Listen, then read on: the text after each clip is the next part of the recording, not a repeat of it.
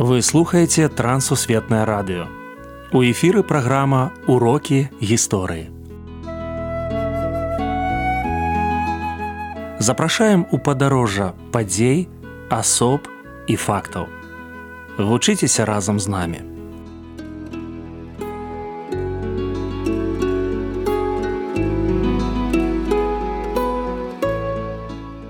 Добры дзень сябры перад мікрафонам сяржук брышцель і кандыдат гістарычных навук Андрусь унучак. Сёння мы пагаворым пра францішку уршулю радзівіл. Прывітанне Андрусь. Прывітанне сяржук. Прывітанне шаноўна слухачы. Прадстаўце нам гістарычную госцю якую літаратурныя крытыкі называлі нясвіжскай сапфо францішка варшуля раздзівіл гэта сапраўды выбітная асоба 18 стагоддзя. Іх не так шмат у гісторыі беларусі я маю навазе з 18 стагоддзя. Гэта чалавек які у прынцыпе увасабляе вось такую ролю жанчыны сям'і адносіну паміж мужам і жонкай адукаванасці мастацтва які спалучае у адной асобе чалавека які творыць культуру з'яўляецца добрай гаспадыняй добрай маці і добрай жонкай для мяне гэта вось вельмі важны момант. Яна паходзіла з вішнявецкіх з роду вішнявецкіх. Яе бацька і маці якая паходзіла з роду ляшчынскіх таксама каралеўскі род. Яны далі ёй такую магчымасць атрымаць і пэўную адукацыю і яны дае магчымасць развіваць творчыя здольнасці. Ось што важна. Пры двары яе бацькі там быў тэатр прыдворны напрыклад. Яна бачыла з дзяцінства самых малых гадоў. І фактычна яна перанесла многія рэчы якія яна зразумела ў самым дзяцінстве у рэальнае штодзённае жыццё не свіжа нашага якую адукацыю атрымлівалі прадстаўніцы вышэйшага класу? Вельмі важны момант што жаночая адукацыя на той час яна была хатняй і толькі хатняй. Былі гувернёры гувернанткі якіх наймалі бацькі асабліва у магнаты якія маглі сабе гэта дазволіць. І яны праходзілі воз эту сістэму. Сістэма она палягала ў тым што вывучалі некаторыя мовы замежныя класічныя мовы мовы бібліі часам вывучалі таксама сістэму вядзення гаспадаркі вось гэта догляд дзяцей напрыклад сістэму кіравання маёнткамі тому што часам на іх долю выпадала гэта і таксама яны мелі вельмі важны момант что адукацыя яна заключалася у пастаянным чытанні літаратуры новай літаратуры. Для беларускіх магнатаў это фактычна было яны выпісывалі кнігі подписываліся на часопісы калі яны з'яўляліся і пастаянная праца ў бібліятэцы што мы ведаем пра уласную бібліятэку францішкі уршулі? Вось дарэчы цікавае пытанне тому что эта бібліятэка адна з таких ну найславуцейшых яна яе размясціла ў нясвіжы. Нясвіж тады быў разбураны. Яна прыехала ў нясвіж у 1725 годзе. На той момант ёй было 20 гадоў калі яна выйшла замуж за міхала казіміра рыбаньку. Нясвіж быў разбураны яшчэ падчас вайны шведаў з рускімі у 1705 годзе годзе і у гэтым сэнсе безумоўна сама бібліятэка нясвіжская она была і так значная. Яна привезла туды частку сваёй бібліятэкі 3000 тамоў. І ў першую чаргу гэта была антычная спадчына антычныя трагедыі антычная драматургія і найноўшая французская літаратура. Вось это спалучэння самай старажытнасці і самых навінак это было характэрнай рысай ейнай бібліятэкі. І таксама акцэнт на драматургію на тэатральныя такія творы якім быў яе ўнёсак у развіццё нясвіжа у нясвіжы яна самага пачатку пачалася такія аднаўленчыя працы. І яна актыўна уключылася ў гэтыя працы таму што патрэбна было аднаўляць усё. Ад сценаў палацу да сценаў гораду.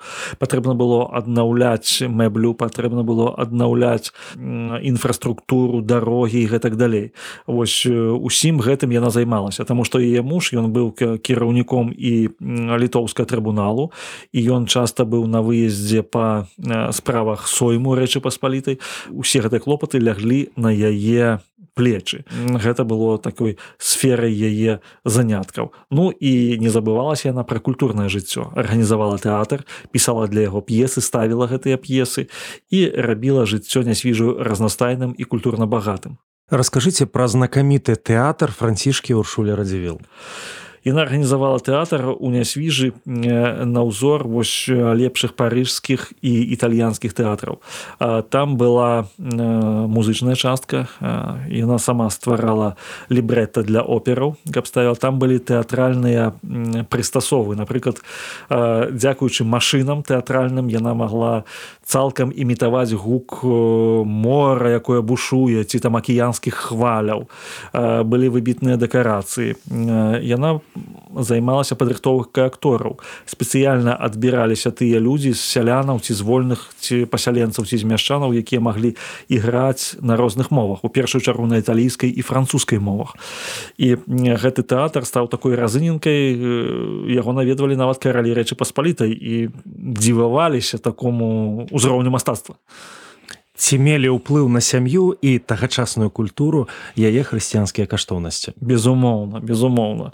Першая цнота дачушка кахана верыць у тройцы ў адзінага пана. Гэта было настаўленне ейнай дачцэ яна пісала вершы. Нашага часу дайшло шэраг вершаў павучанняў павучанняў для яе дзяцей. На жаль Вось чацвёра з сямі яе дзяцей яны памерлі ў маленстве, але для тых, хто застаўся жыць, яна рабіла вось гэтыя такія павучанні і ў першую чаргу яна казала, што самае галоўнае мець хрысціянскія цноты. І яна рабіла такіх 15 хрысціянскіх цнотаў. Цноты ў гэтым сэнсе гэта тыя рэчы, якія адрозніваюць хрысціяніна ад нехрысціяніна. Это міласэрнасць, гэта ахвярнасць, гэта любоў да бліжняга, гэта вернасць у сужонстве, гэта клопат пра людзей людзей якія не могуць самі пра сябе праклапаціцца і гэтак далей так далей.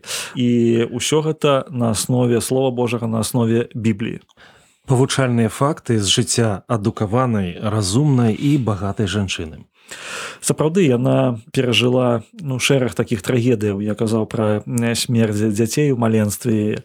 І вось як яна перажывала гэта гора. Яна звычайна калі вось памёр хлопчык які нарадзіўся на года не пражыўха для яе была вельмі важнай справай напісаць верш элегію ці эпітафію. Э, яна напісала выкладала увесь свой боль і ўсё сваё перажыванне. Але адначасова гэта была скоранасць скоранасць перад Богом у яе не было прэтэнзій да Бога. У яе не было нейкай крыўды горычы рэчаў якія разбураюць унутры.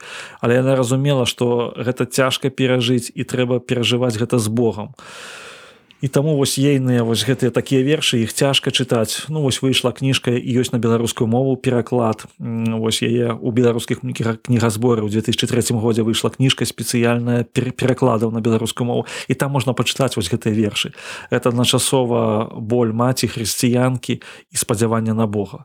Вось гэта перажыванне гора бяды уласнай уласнай драмы вось можна павучыцца гэтаму. і і таксама яна была чалавекам які вельмі сур'ёзна ставіўся да адносінаў са сваім мужам. 1300 лістоў захавалася на сённяшні момант. І адносіны з яе мужам былі узорам і многія казалі што варта з гэтага браць прыклад. Калі яны былі на адлегласці паміж імі заўсёды існавалі лісты. І перапіска гэта ўзор іхных адносінаў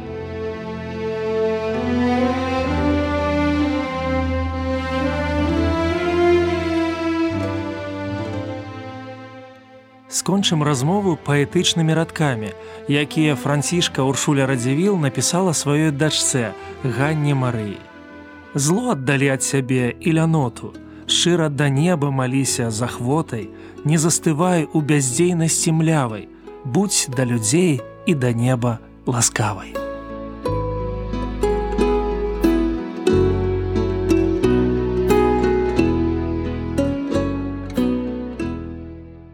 Дзякую, што далучыліся да нашага праекту. Калі ў вас ёсць пытанні, пішыце калі ласка на адрас. Трансусветнае радыё, урокі гісторыі. Паштовая скрынка 45, індекс 22 40 20, горад Брест 20, Беларусь. Да новых сустрэч!